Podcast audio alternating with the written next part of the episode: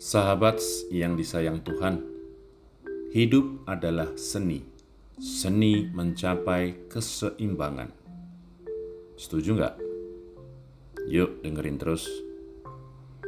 Teman-teman yang dikasihi Tuhan, dalam Injil hari ini diceritain Yesus sebel banget sama murid-muridnya. Yesus mau ngajarin soal rohani, soal yang agak dalam. Eh, pikiran mereka malah ke soal makanan Emang sih Yesus pakai kata ragi yang emang nyangkut ke soal makanan. Tapi itu kan istilah yang biasa kita pilih dan kita pakai untuk ngegambarin atau ngejelasin sesuatu hal yang lain.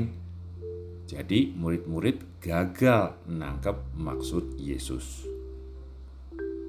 Nah, teman-teman terkasih, Yesus ngingetin mereka soal mujizat pergandaan tujuh roti untuk empat ribu orang dan lima roti untuk lima ribu orang.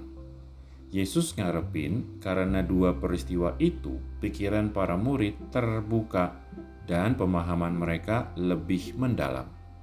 Ternyata sepertinya kenyataannya nggak kayak yang diharapkan perhatian dan pikiran para murid sepertinya masih nyangkut di permukaan, di soal makanan, perkara duniawi.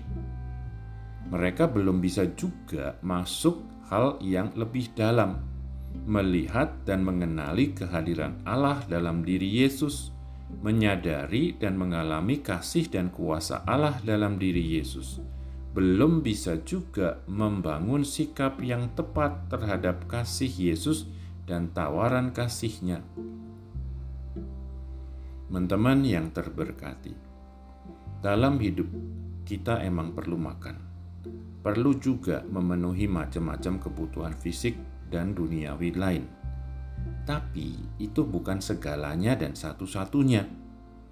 Ada hal-hal lain yang gak kalah penting, bahkan lebih utama untuk hidup yang sejati maka idealnya kita nggak bisa hidup pincang atau nggak seimbang. Hidup cuman mikirin atau ngurusin hal-hal yang duniawi aja bikin hidup kita nggak seimbang, pincang, dan nggak sejati.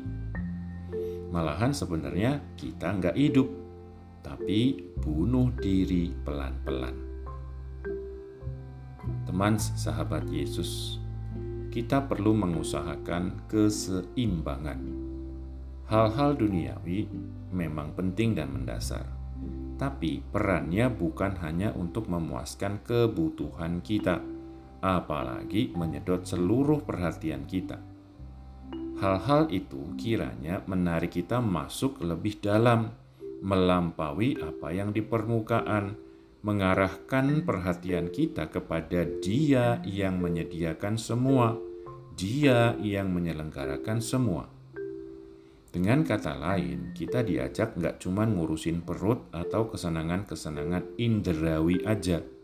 Kita dipanggil untuk memenuhi kesejahteraan rohani juga. Kita diajak membangun dan memperhatikan hidup rohani kita. Cuman dengan begitu, kita bakal benar-benar ngalamin kasih dan kehadiran Tuhan, benar-benar hidup sejati.